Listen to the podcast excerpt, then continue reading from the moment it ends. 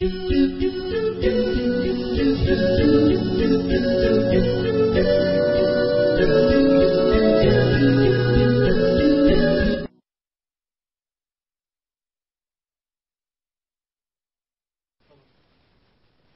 كل يوم للمطامع ثورة باسم السياسة تستجيش قتالا.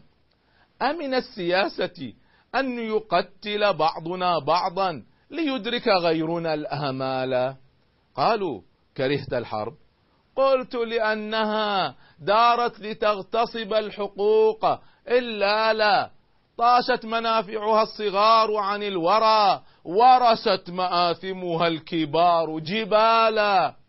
ما أجشع الحرب ما أجشع الحرب الضروس فإنها تحسو النفوس وتأكل الأموال. أو كلما طمع القوي شراهة أكل الضعيف تحيفا واغتالا. فاسمع مقالة من أتاك ولم يكن فيما يقول مخادعا محتالا. واعلم بأني لا أخاف منيتي جبنا ولا أتهيب الأبطال لكن أرى سفك الدماء محرما. وأعيد رأيك أن تراه. حلالا خلقت طليقا كطيف النسيم وحرا كنور الضحى في سماء. تغرد كالطير أين اندفعت؟ وتشدو بما شاء وحي الإله.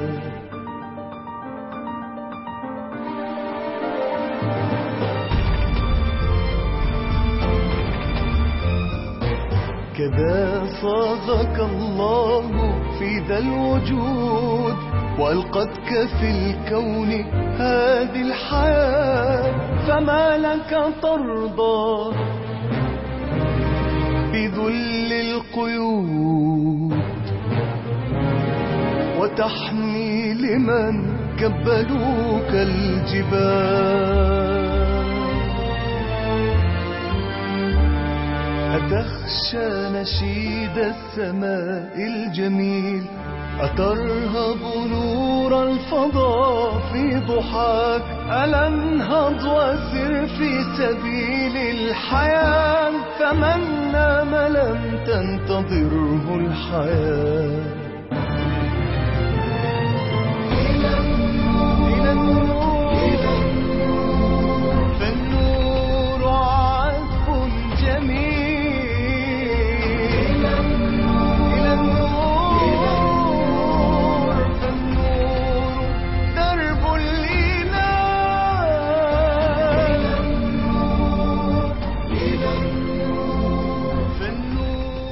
السلام عليكم ورحمة الله وبركاته. أهلا بكم ومرحبا مع علمتني الحياة. وحلقة اليوم تدور حول معنى مهم الحرب والسلام. أكرمني الله سبحانه وتعالى بروح من داخلها تحب العزة والمجد وتحب ال- الرفعة لأمتها والجهاد والشهادة في سبيل الله عز وجل هي من أصول تربيتي بفضل الله عز وجل. لكن كلما رأيت ضحايا الحروب كلما توقفت وقفة مع معنى الحرب والسلام. عندما أرى الحروب ودمارها وماذا تفعل عندما أرى هذا الظلم الشديد الذي يستبد بال- بالبشر وعندما أرى بالذات ما تفعله إسرائيل من تدمير وقتل للأبرياء وعندما أرى النتائج في أولئك الذين فقدوا أطرافهم أو أولئك الذين فقدوا بيوتهم أو الذين شردوا أو الذين قتلوا أو استشهدوا. كلما أعدت النظر في قضية الحرب والسلام. سألني أحد الشباب يوما قال في كل مشاكل الأمة التي تراها ما هي أكبر مشكلة ما هي أكبر أزمة؟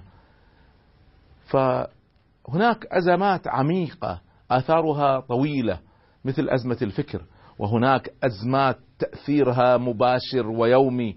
مصيبة الأمة الكبرى اليوم هي في الاستبداد في الاستبداد في فقدان الحرية. والاستعمار أسوأ من الاستبداد لأنه استبداد مع فقدان للحرية وأخذ للثروات وظلم للعباد والبلاد. وكثيرا على فكرة ما كان الاستبداد سببا لوقوع الأوطان تحت الاحتلال. انظروا وتأملوا في التاريخ. عندما يستبد المستبدون عندها يؤدي هذا إلى احتلال البلاد. على كل حال موضوعه يعود حول الحرب والسلام. هذه هي الأسباب. الاستبداد والاستعمار هي الأسس التي تؤدي إلى الحروب. وهم الذين يجروننا إلى الويلات. طبعا أسوأ أنواع الحروب عندي أسوأها على الإطلاق. هي الحروب التي تجري بين المسلمين بعضهم بعضا. أنا أفهم أننا ندافع عن حقوقنا عن مقدساتنا نواجه استعباء استعمار أو استعباد أو استكبار. أنا أفهم هذا. لكن ان لأننا وضعت لنا حدود مصطنعة جعلتها أمريكا وفرنسا وأوروبا وبريطانيا واتفاقيه سايكس بيكو فقسمتنا هذا التقسيم فصدقنا ثم أخذنا هذا وجعلناها حروب من أجل ماذا؟ من أجل ماذا؟ هذه أسوأ أنواع الحروب عندي، لكن اليوم البشرية اليوم يعني قضية الحروب والدمار صارت جزء أساسي من مكونات البشرية اليوم بينما الأصل عندي هو السلام. الأصل هو السلام. دعوني أبدأ اولا بشوية إحصائيات. تفيد المعلومات التي أجراها معهد ستوكهولم الدولي لبحوث السلام سيبري. أن الإنفاق العسكري وصل في العالم حاليا 1200 مليار دولار. 1200 بليون دولار حجم الميزانيات العسكرية السنوية. سنويا هكذا ينفق العالم 1200 مليار يعني مليون مليون دولار. تخيلوا هذا تخيلوا لو أنفقت هذه الأموال على تنمية على صحة على تعليم على إسعاد بشرية كيف سيتحول العالم؟ والمسألة لا تتوقف عند هذا. الزيادة السنوية 16% حجم الزيادة السنوية للإنفاق العسكري. يعني هو ليس هذا المبلغ وتوقف أو يتناقص هو بازدياد سنوي سنويا يزداد الإنفاق العسكري في العالم 16% وأمريكا أمريكا تحظى بنصف هذا الإنفاق العسكري. كل العالم في جهة والترسانة الأمريكية تزداد بما يساوي كل العالم أمريكا النصف والعالم كله النصف. أما العرب فقد أنفقوا في عام 2009 67 مليار دولار. في عام واحد في عام واحد 67 مليار دولار. إنفاق العرب في عام 2009 على على الجيوش وعلى السلاح. على حساب ماذا؟ على حساب التعليم، على حساب التنمية، ثلث العالم العربي أمي، خمسين بالمئة من النساء أميات. تخيلوا هذا. قارنوا هذا بإحصائية فقط عشان تتخيلون حجم الإنفاق العسكري العالمي، أنا قلت لكم الإنفاق العسكري العالمي 1200 مليار دولار، وإنفاق العرب في سنة واحدة 67 مليار دولار. بينما لو أخذنا 41 دولة أفريقية وجمعنا ميزانياتها السنوية كلها كل شيء كل الإنفاق بكل أشكاله يساوي 300 مليار دولار. فكروا معي. لا يوجد منتصر حقيقي في الحرب. نعم هناك حالات لا بد من الحرب ولا بد من التضحيات ولا بد من شهداء. يقول الله عز وجل وليتخذ منكم شهداء. هذا طبيعي. لكن في معظم الأحوال معظم الحروب التي نراها اليوم ما في منتصر حقيقي في هذه الحروب. الحروب تترك دمار هائل تترك آثار رهيبة تستمر عدة عقود عشرات السنين تستمر. بعض بعض الحروب التي جرت في الأربعينات والخمسينات من القرن الماضي ما زالت آثارها إلى اليوم. ليست فقط آثار اقتصادية حتى آثار حربية. يعني ما زال اليوم العالم فيه ألغام من الحرب العالمية الأولى والثانية ما زالت تقتل الناس اليوم. هل تعلمون أن الألغام التي تركتها الحروب السابقة تقتل أو تشوه شخصا كل ساعة في كل ساعة كل ساعة شخص يقتل أو يشوه بسبب الألغام من الحروب السابقة. طبعا الحرب تأخذ أشكالا مختلفة. طبعا الصورة الواضحة أن يحدث صدام عسكري. هذا أمر واضح. لكن هناك حرب وهناك حالة حرب. بمعنى أنه ما صار اتفاق على السلام. يعني العلاقة بين الكوريتين مثلا الجنوبية والشمالية. هذه في حالة حرب. اليوم الوضع في أفغانستان أو الوضع في العراق هذه حالة حرب. هل تعلمون كم عدد سكان العالم الذين يعيشون في حالة حرب؟ معلنة أو غير معلنة؟ ثلث سكان العالم اليوم الثلث يعيشون في حالة حرب. فهذه مصيبة هذه مصيبة. لما يكون الحرب تصل إلى هذا الحجم في العالم ولما يدخل مع هذا يدخل معها الجنود الأطفال. تعرفون كم عدد الأطفال أطفال أقل من 12 أو 14 سنة الذين يشتركون في الحروب والذين يقتلون في العالم بسبب الحروب.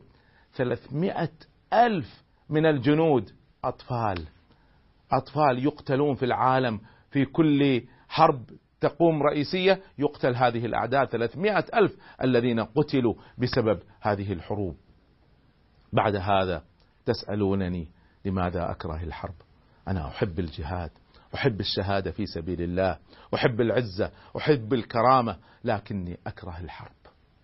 هذه معادلة مهمة جدا. أنا اليوم ألاحظ في شباب الأمة وبالذات الذين تربوا على العزة والمجد كأنهم يحبون الحروب. لا لا تحبوا الحروب. أحبوا السلام. واكرهوا الحروب. لكن نحن عندنا معادلة خاصة بين السلام والاستسلام. السلام مقبول الاستسلام مرفوض. الحرب مرفوضة الجهاد مطلوب. العزة مطلوبة والذل مرفوض.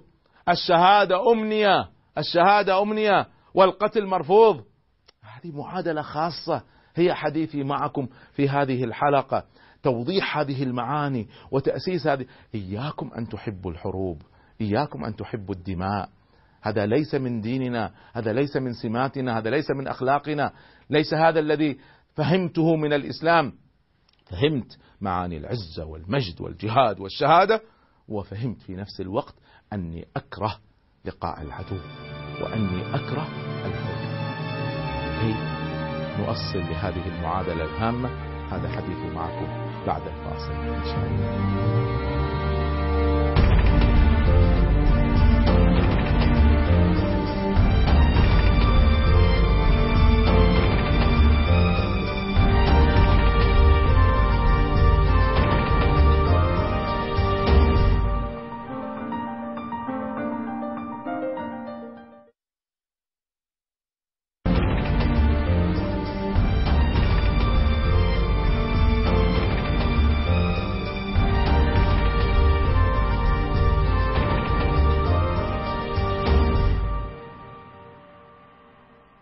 أهلا بكم ومرحبا ما علمتني الحياة وحديثي معكم عن مفهوم رئيسي عن مفهوم الحرب والسلام.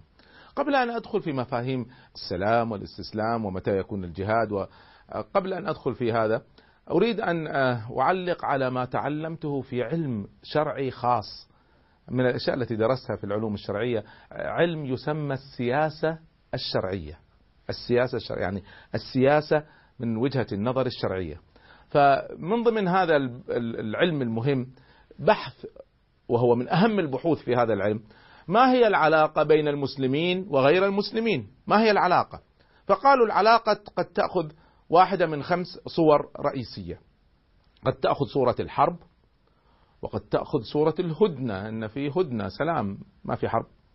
وقد تأخذ صورة الحلف نتفق مع بعض الكفار أو غير المسلمين أن إحنا نعاونهم في حالة احتياجهم وهم يعينوننا في حالة احتياجنا. فحلف كل طرف يعين الآخر. الحالة الرابعة هي يسمونها إعانة. نحن نعين بعض غير المسلمين ضد أعدائهم لأن وقع عليهم ظلم أو لأن في ذلك مصلحة للمسلمين. والحالة الخامسة هي الاستعانة بدون حلف. هم يعينوننا على أعدائنا ولا في حالة مصالح مشتركة بيننا وبينهم ضد أعداء مشتركين بدون ما يكون هناك حلف. طيب صحيح هذه الخمس علاقات. لكن الذي درسته مسألة رئيسية يتكلم عنها الفقهاء.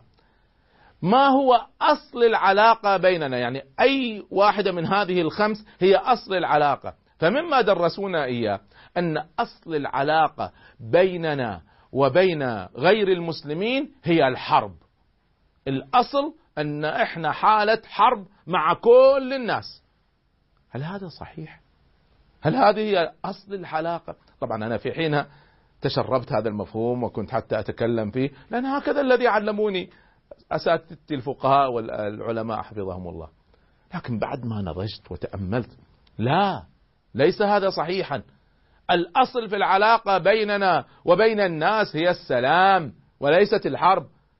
هي الدعوة وليس الجهاد. الأصل السلام والدعوة والحرب والجهاد هي الاستثناء. هي الاستثناء. نحن ليس هدفنا أن نعلن الحرب على البشرية. ليس هذا هو هدف الإسلام. وسأعلق على بعض هذه المسائل بصورة مفصلة أكثر آه، في حلقة الجهاد والإرهاب. لأن هذا موضوع مهم جدا واليوم اختلت الموازين فيه إلى درجة أنها تحتاج أكثر من حلقة حتى نؤصلها. لكن هذه الحلقة نتكلم أصلا عن أصل القضية عن الحرب والسلام. أبدأ بمفهوم السلام لأنه هو الأصل كما ذكرت. هذا في فهمي. الأصل هو السلام. السلام من أسماء الله الحسنى. الله سبحانه وتعالى اسمه السلام. لم يجد لم نرى في أسماء الله الحسنى الجهاد والحرب والأهل. أصل من من أصول هذا الدين. بل تحيتنا نحن السلام نحن السلام.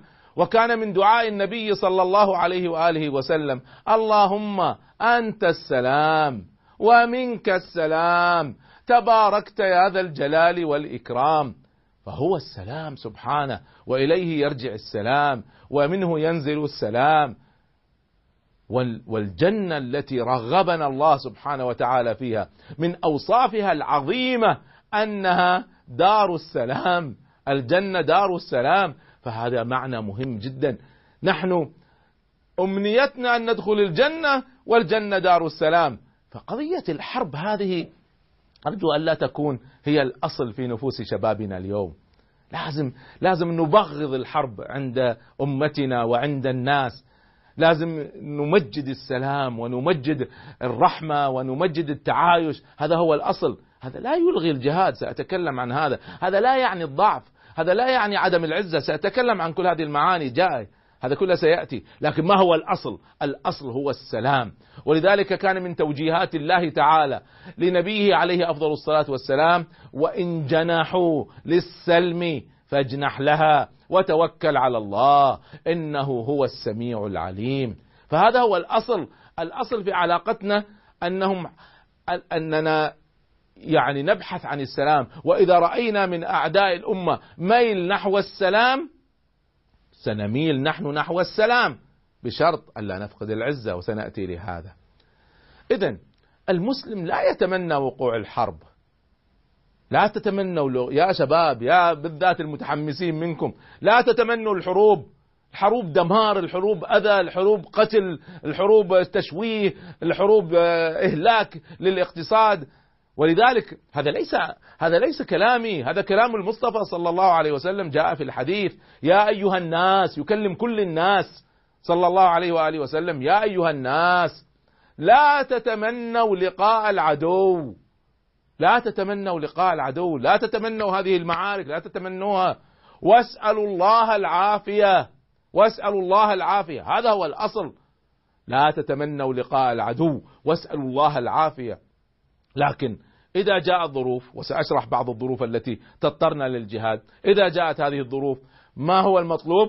انظروا تكملة الحديث نفسه تكملة الحديث. لا تتمنوا لقاء العدو واسألوا الله العافية. فإذا لقيتموهم فاصبروا يعني في حالات معينة سنضطر أن نواجههم. ليست هي الأصل هي الاستثناء. الأصل هو السلام. فإذا لقيناهم فاصبروا واعلموا أن الجنة تحت ظلال السيوف. اعلموا أن الجنة تحت ظلال السيوف. هذا إذا نحن الأصل هو السلام. والأصل ألا نتمنى هذه الحروب. فإذا حدثت حرب واضطررنا أن ندخلها فسنثبت. ونضحي والشهيد منا له الجنة لأن الجنة تحت ظلال السيوف. اذا الخلاصة لا أي لا يتمنى الإنسان لقاء العدو. هذا غير تمني الشهادة نحن نتمنى الشهادة. تمني الشهادة جائز وليس منهي عنه بل قد يكون مأمورا به. لا أما تمني لقاء العدو فلا تتمنوا لقاء العدو. والمطلوب أن يسأل الإنسان الله العافية. لماذا؟ لأن العافية والسلامه في الدنيا لا يعدلها شيء. فلا تتمنوا الحروب ولا القتال. واسألوا الله العافية واسألوا الله النصر لدينه. وإذا لقيتم العدو فاصبروا ولا تقبلوا بذل ولا تقبلوا بهزيمة ولا تقبلوا بضعف. فاسألوا الله سبحانه وتعالى العافية. هنا لا بد من الحديث عن الفرق بين ثقافة السلام وثقافة الاستسلام. الفرق كبير بين ثقافة السلام وثقافة الاستسلام. كل كلامي أرجو الا أحد يأخذ كلامي مجتزأ ويقول والله سويدان يدعو إلى السلام والذل وترك الجهاد. أنا لم أقل هذا. أنا لم أقل هذا. نحن نريد السلام والأصل في ديننا السلام. لكننا إذا اضطررنا للجهاد فنحن الأسود. وإذا جاءت قضايا الكرامة فسنتكلم عن هذه المسألة. اولا وجوب الحرب لرد العدوان والدفاع عن المقدسات. هذا المبدأ الأول يجب الحرب في حالتين رئيسيتين. إذا حدث عدوان علينا فلن نقبل بالعدوان سنرد نرد العدوان. وفي الحالة الثانية في حالة الدفاع عن المقدسات. فإذا العدو احتل بلد من بلاد المسلمين يجب علينا جميعا أن نهب للدفاع عن بلاد المسلمين. وإذا العدو مس مقدس من مقدساتنا يجب علينا أن ندافع عن هذه المقدسات. فهذه حالات يجب فيها الحرب تجب فيها الحرب. ويجب فيها الجهاد. فاذا هذا أول مبدأ. اذا حالة رد العدوان ودفع الاحتلال والحالة الثانية هي الدفاع عن المقدسات. مبدئين. مع ذلك نقول نحن نفضل السلام. ولا ندعو للحروب ونتمنى أن ما حد يعتدي علينا لكن فمن اعتدى عليكم فاعتدوا عليه بمثل ما اعتدى عليكم. نحن لسنا كالذين يقولون من ضربك على خدك الأيمن فأعطيه خدك الأيسر. لا نحن نحن نؤمن بالعزة. فاذا السلام مع الذل مرفوض. السلام مع الذل مرفوض. والدمار مع الكرامة مقبول. هذا مبدأ آخر رئيسي. السلام مع الذل مرفوض والدمار مع الكرامة مقبول. اذا نحن ندعو إلى السلام لكن سلام عز. ما هو سلام ذل؟ أذكر ولا ويعني كأنه أمام عيني تلك الفتاة التي كانت في جنوب لبنان بعد ما دمرت إسرائيل جنوب لبنان في 2006 تدمير شديد. فواحد من المذيعين اللي آذاه هذا التدمير وكلنا آذانا هذا التدمير فكأنه يستفز هذه البنت فيقول لها هل تقبلين أن تعيشها الآن؟ وهذا الجسر الذي تعبرين كل يوم عليه راح؟ فقالت كلمة عجيبة جدا. قالت ما قيمة جسر أمشي عليه ورأسي ذليل. لا أريد الجسر وأعيش بعزة. فنعم نحن نريد السلام لكن مع العزة مع الكرامة. وما عندنا مانع. ندخل في دمار وندخل في جهاد وندخل في شهادة. لكن تبقى لنا عزتنا وتبقى لنا كرامتنا. اذا ثقافة السلام هي نشر الوعي بضرورة الاتفاق على حل أي مشكلة سياسية كانت أو حدودية حلها بالحوار وعدم اللجوء إلى القوة والحرص الشديد على أن الأموال لا تنفق على الجيوش وعلى السلاح وإنما تنفق على التنمية على التطور على التعليم على الصحة على تنفيذ المشاريع المشتركة لصالح شعوب المنطقة. لكن دون أن يتنازل أي طرف للطرف الآخر عن حقوق المشروعة. هذا هو السلام. أما الاستسلام ثقافة الاستسلام لما يصير تحاور بين طرفين أحدهما قوي والآخر ضعيف. كما تفعل إسرائيل معنا اليوم وكثير من المفكرين والحكام العرب يروجوا لذلك. فهذه ثقافة ليست سلام هذه ثقافة استسلام. فيتم تسويق ثقافة الاستسلام. عن طريق التنازل عن الحقوق المشروعة من قبل الطرف الضعيف للطرف القوي. تحت دعاوى السلام مع التضييق على حركات الكفاح والجهاد والمقاومة. ما نلغي المقاومة ما نلغي الجهاد ما نلغي الكفاح المسلح ما ما لم ترجع لنا حقوقنا. فهذه بعض المعاني الأساسية في قضية السلام والاستسلام. سأدخل في أعماق هذه المسألة بمزيد من المعاني بعد الفاصل إن شاء الله.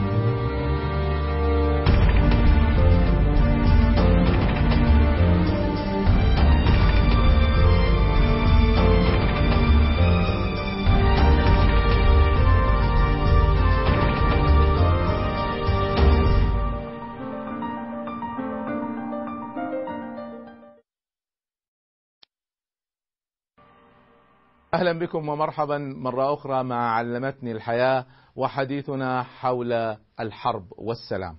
اصلت لمجموعة من المفاهيم الأساسية جدا قبل الفاصل وهو أن هذه الأمة أمة سلام وأن السلام هو الأصل في علاقتنا مع البشر وليس الحرب وأننا يجب أن نبذل كل الجهود من أجل السلام وأن الحرب دمار وأذى وتضييع للطاقات هذا هو الأصل. هذا لا يعني الاستسلام هذا لا يعني إلغاء الجهاد هذا لا يعني الذل ورفض العزة والكرامة. نحن نريد سلام لكن مع عزة مع كرامة مع حفاظ على مقدسات مع رفض لأي احتلال. فهذه معاني أساسية لكن الأصل أن نعود إلى السلام.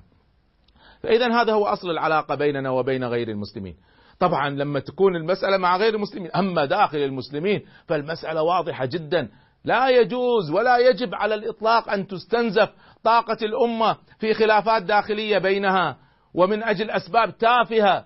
بينما أعدائنا شوفوا إسرائيل كيف تطور قدراتها تطوير غير عادي. لا يجوز ولا ولا يصح على الإطلاق هذا. أنا تأملت في القدرات العربية بالمقارنة مع إسرائيل. وجدت أن إسرائيل قفزات قفزات في الجانب العسكري. بينما أمتنا لا تطور طاقتها. وفي نفس الوقت إسرائيل أيضا تقفز قفزات في التعليم في الصحة في التكنولوجيا في البحث العلمي وغيره بينما نحن ننفق أموال ضخمة جدا على السلاح ثم نستعملها ضد شعوبنا أو بين بين دولنا بعضها البعض. يا ريت هذه الجيوش العربية وهذا السلاح العربي يا ريت يوجه لأعداء الأمة بدل ما يوجه للشعوب ويوجه بين الدول نفسها. فإذا هذه مسألة أرجو أن تستقر أن إحنا الأصل أن ننفق طاقاتنا وأموالنا وجهودنا على السلام وعلى التنمية وعلى النهضة وعلى بناء حضارة. لكن في نفس الوقت نستعد لأعدائنا. هنا تأتي شبهة. تقول أن العنف طبيعة إسلامية. هذا الدين دين عنيف. وقد رأيت هذا وسمعته على اليوتيوب وعلى غيره من كثير من المنصرين بالذات وكثير من أعداء الإسلام. وبالذات طبعا اليهود يعني يروجوا لهذا. الدين الإسلامي دين عنيف. الله سبحانه وتعالى بين لنا أن اليهود هم الدين العنيف. دينهم دين عنيف. أنا كتبت كتابي اليهود الموسوعة المصورة. واستعرضت تاريخهم وعقيدتهم وشريعتهم وواقعهم. وكلها تدفع نحو الفساد ونحو العنف.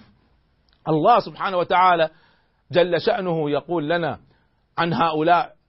يقول كلما أوقدوا نارا للحرب أطفأها الله. ويسعون في الأرض فسادا. والله لا يحب المفسدين. يعني لو ترك الله عز وجل الأمور على اختيار اليهود على مشيئة اليهود والله لملأوا الأرض فسادا. لملأوا الأرض فسادا. إسرائيل اليوم تتجبر وتعربد في البشرية وتقتل وتدمر. حتى لما تأتي قافلة تريد أن توصل توصل يعني مواد إنسانية تقتل من يأتي بالمواد الإنسانية هذه، يعني أنا أفهم أن يأخذوهم يحتجزوهم يرسلوا المواد الإنسانية ويعيدوهم، لكن يقتلوا من يأتي بالمواد الإنسانية، أين وصلت الهمجية فيهم؟ هذه لا على فكرة هذه المسألة ليست ليست مسألة طارئة ولا استثنائية. لا لا إياكم أن تتخيلوا هذا. أنا قرأت التلمود وقرأت التوراة وتتبعتها. دين عنيف. دين اليهود هو دين عنيف. دين اليهود دين قائم على أن اليهود هم شعب الله المختار والبشر هؤلاء كلهم ليس لهم قيمة. اسمعوا اقرأوا في تعاليم اليهود. اليهود هذه هذا بالنص. اليهود بشر لهم إنسانيتهم. أما الشعوب الأخرى فهي عبارة عن حيوانات. هذا في الكتاب المقدس. هذا في الكتاب المقدس لليهود. أنا ما قاعد ما قاعد الف ارجعوا لكتابهم المقدس تجدون هذا. تجدون في كتابهم المقدس. اقرأوا الموسوعة عن اليهود. في الكتاب المقدس عندهم في التلمود ليس في التوراة في التلمود يجوز اغتصاب. يجوز اغتصاب المرأة أو الفتاة غير اليهودية إذا تجاوز عمرها ثلاث سنوات. ثلاث سنوات!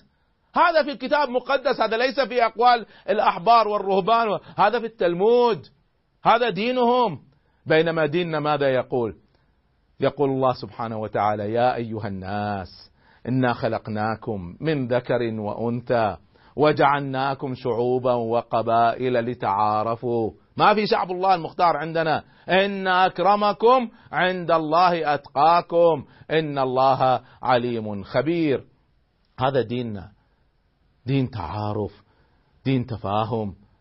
ما عندنا العرب شعب الله المختار لا فضل لعربي ولا على أعجمي ولا أس أحمر على أسود ولا إلا بالتقوى. هذا ديننا.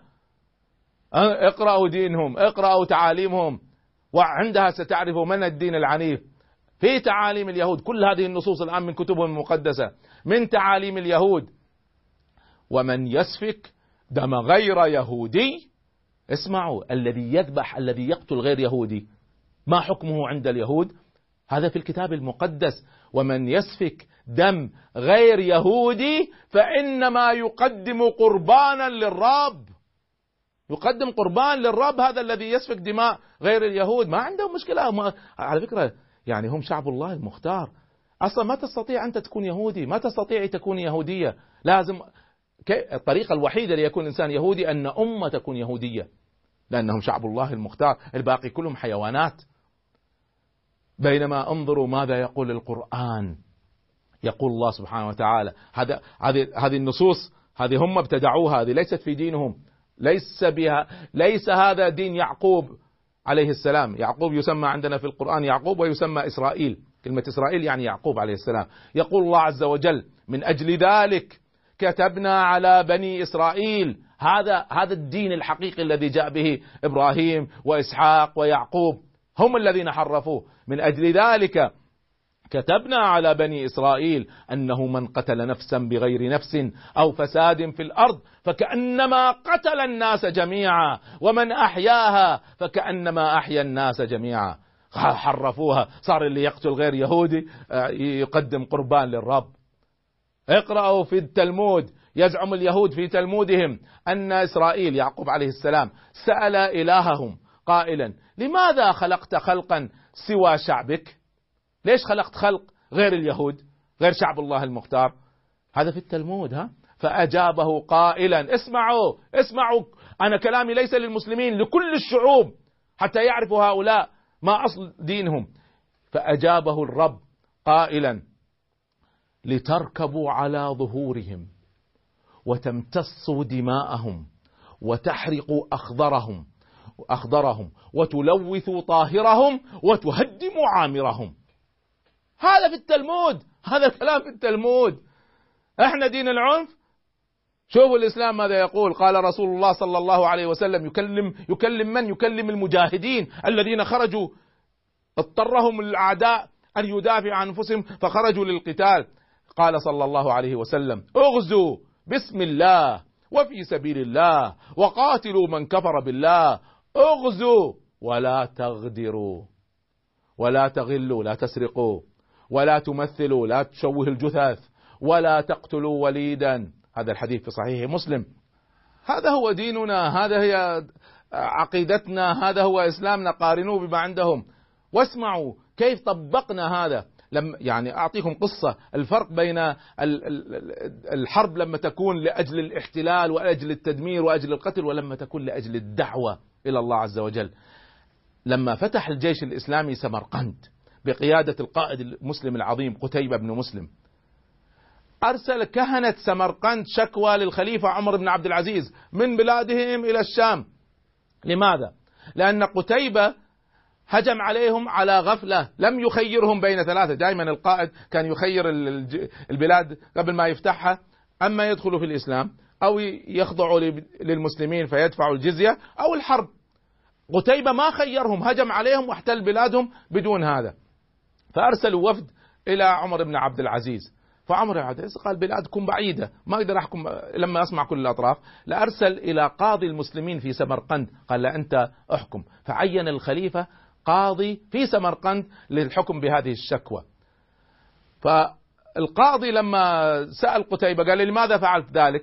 قال والله كان في جيش آخر سيأتي ولو أعطيتهم هذا الإنذار سينضم الجيشين ويغلبوني فاضطريت أهجم عليهم بدون إنذار. إذا أنت هجمت عليهم بدون إنذار. قال نعم. فعندها آمر القاضي بعد هذا التحقيق بأن يخرج الجيش المسلم جيوش المسلمين تخرج جميعا من هذا البلد. ويعيد سمرقند إلى أهلها ويعطيهم فرصة شهر ليستعدوا للقتال ويخيروهم بين الإسلام والجزية والحرب. في نفس اليوم خرج المسلمون من سمرقند. أهل سمرقند ما صدقوا ما صدقوا ما رأوا. مدى العدل عدل الإسلام فدخلوا في دين الله افواجا. حتى الكهنة وكبير الكهنة دخلوا في الإسلام. عرفتم؟ عرفتم الفرق بين دعوتنا وبين ديننا وبين ما يطرحه هؤلاء؟ بعد الفاصل إن شاء الله أواصل معكم وأواصل معكم في مزيد من فهم أعماق قضية الحرب والسلام كمفهوم أساسي في الإسلام. لحظات ونلتقي إن شاء الله.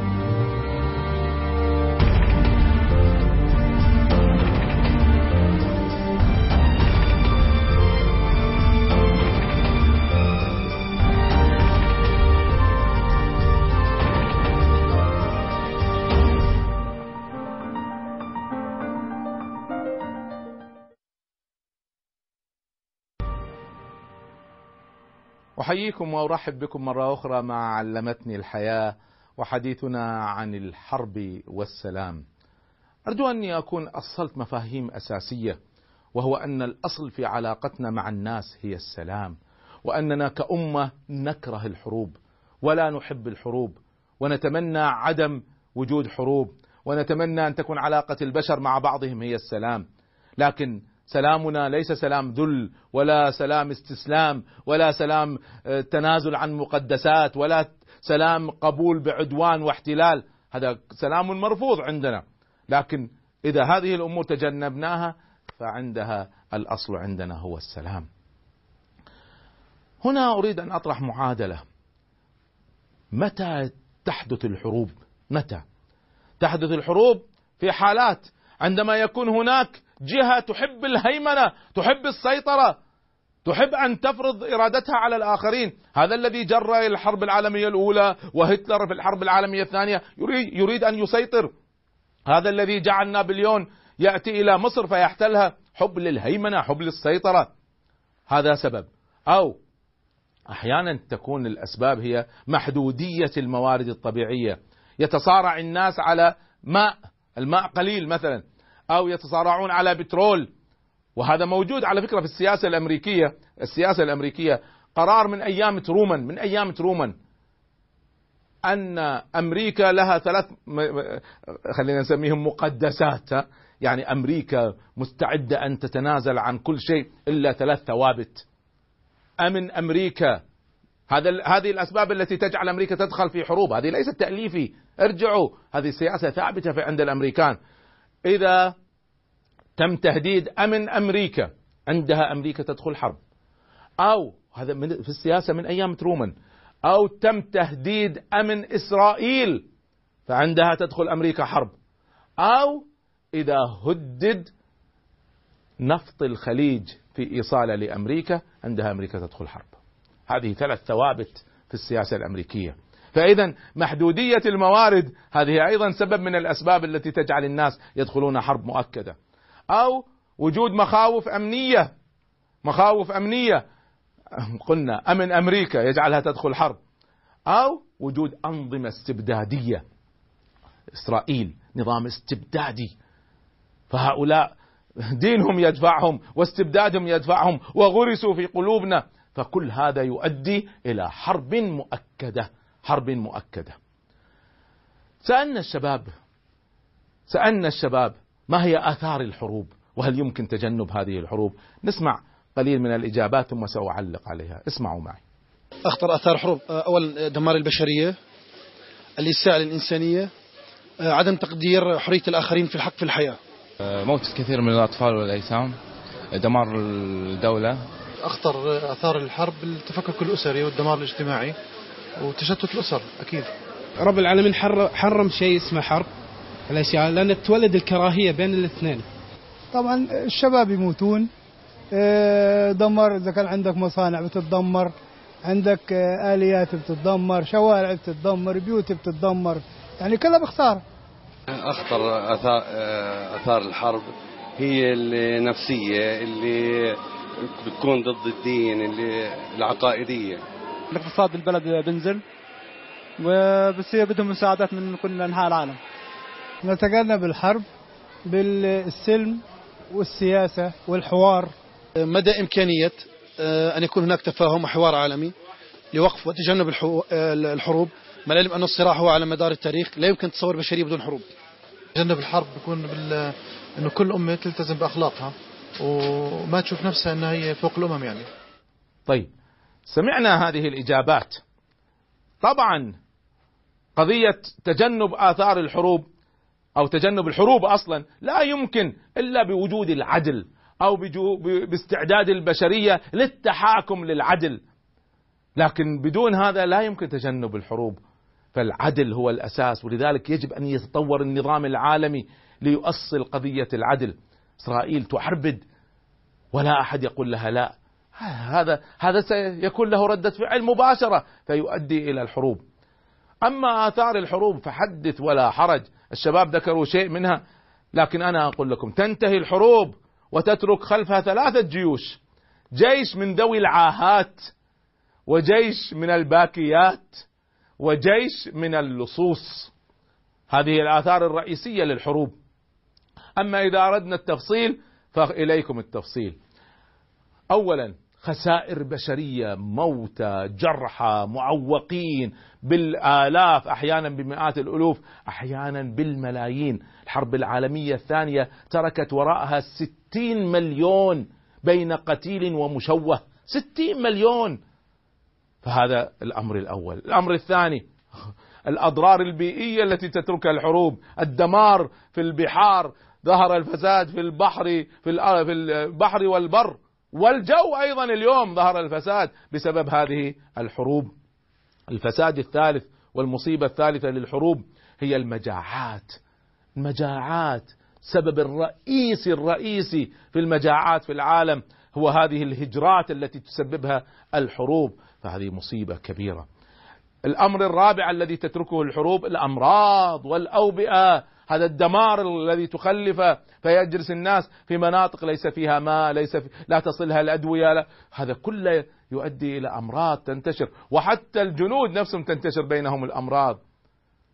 الأمر الخامس الحروب تؤدي إلى التخلف. تخلف. يتخلف التعليم وتتخلف التنمية يتخلف كل شيء لأن ال- الأموال بدل ما تنصب على التنمية تنصب على الحروب وال- والجيوش وال- والدمار. أحيانا قنبلة واحدة بعض القنابل اليوم التي تصنعها أمريكا مثلا القنبلة الواحدة قنبلة واحدة تكلف 20 مليون دولار. قنبلة واحدة. فتخيلوا هذا. لو صرفت هذه الأموال على تنمية البشر كيف سيحدث؟ طبعا الأثر السادس الرئيسي للحروب التأثيرات النفسية السلبية على الأفراد.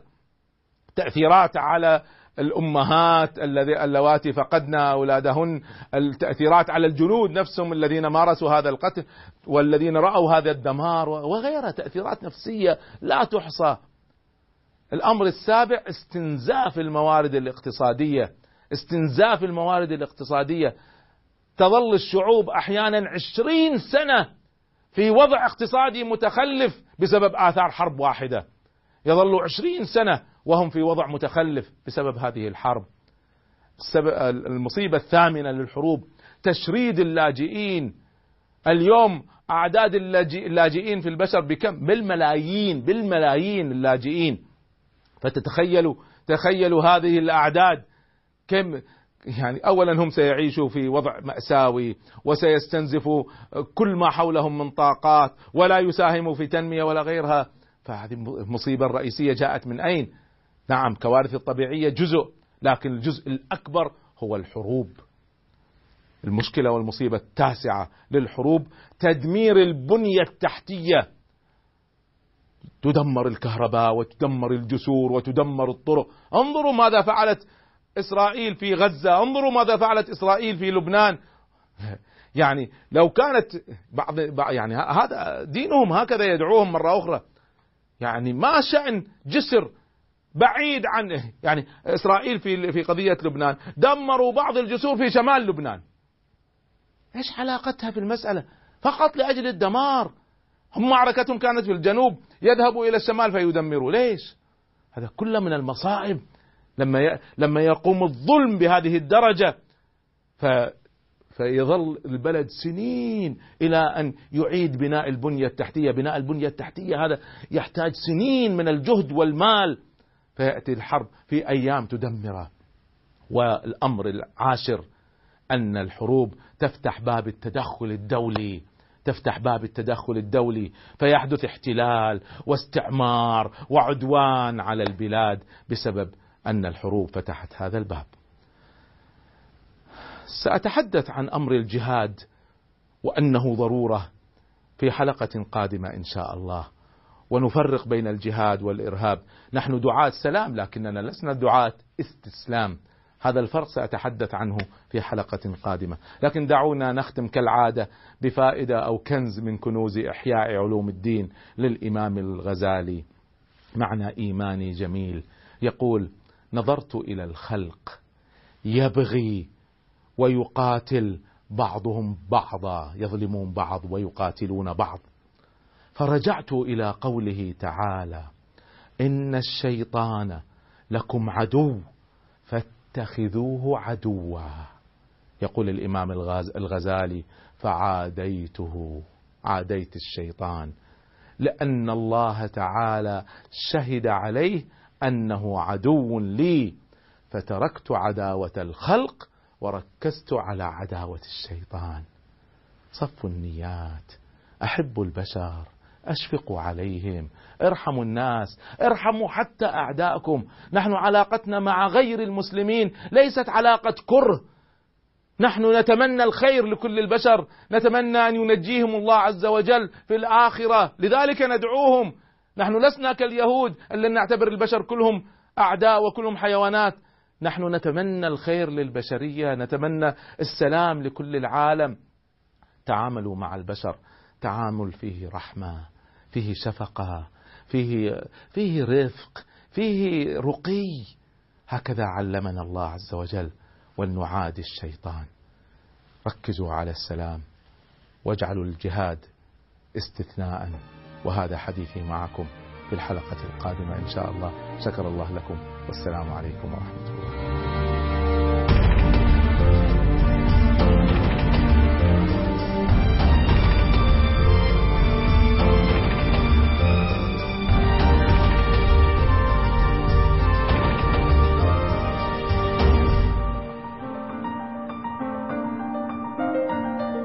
خلقت طليقا كطيف النسيم وحرا كنور الضحى في سماء تبرد كالطير أين اندفعت؟ وتشدو بما شاء وحي الإله.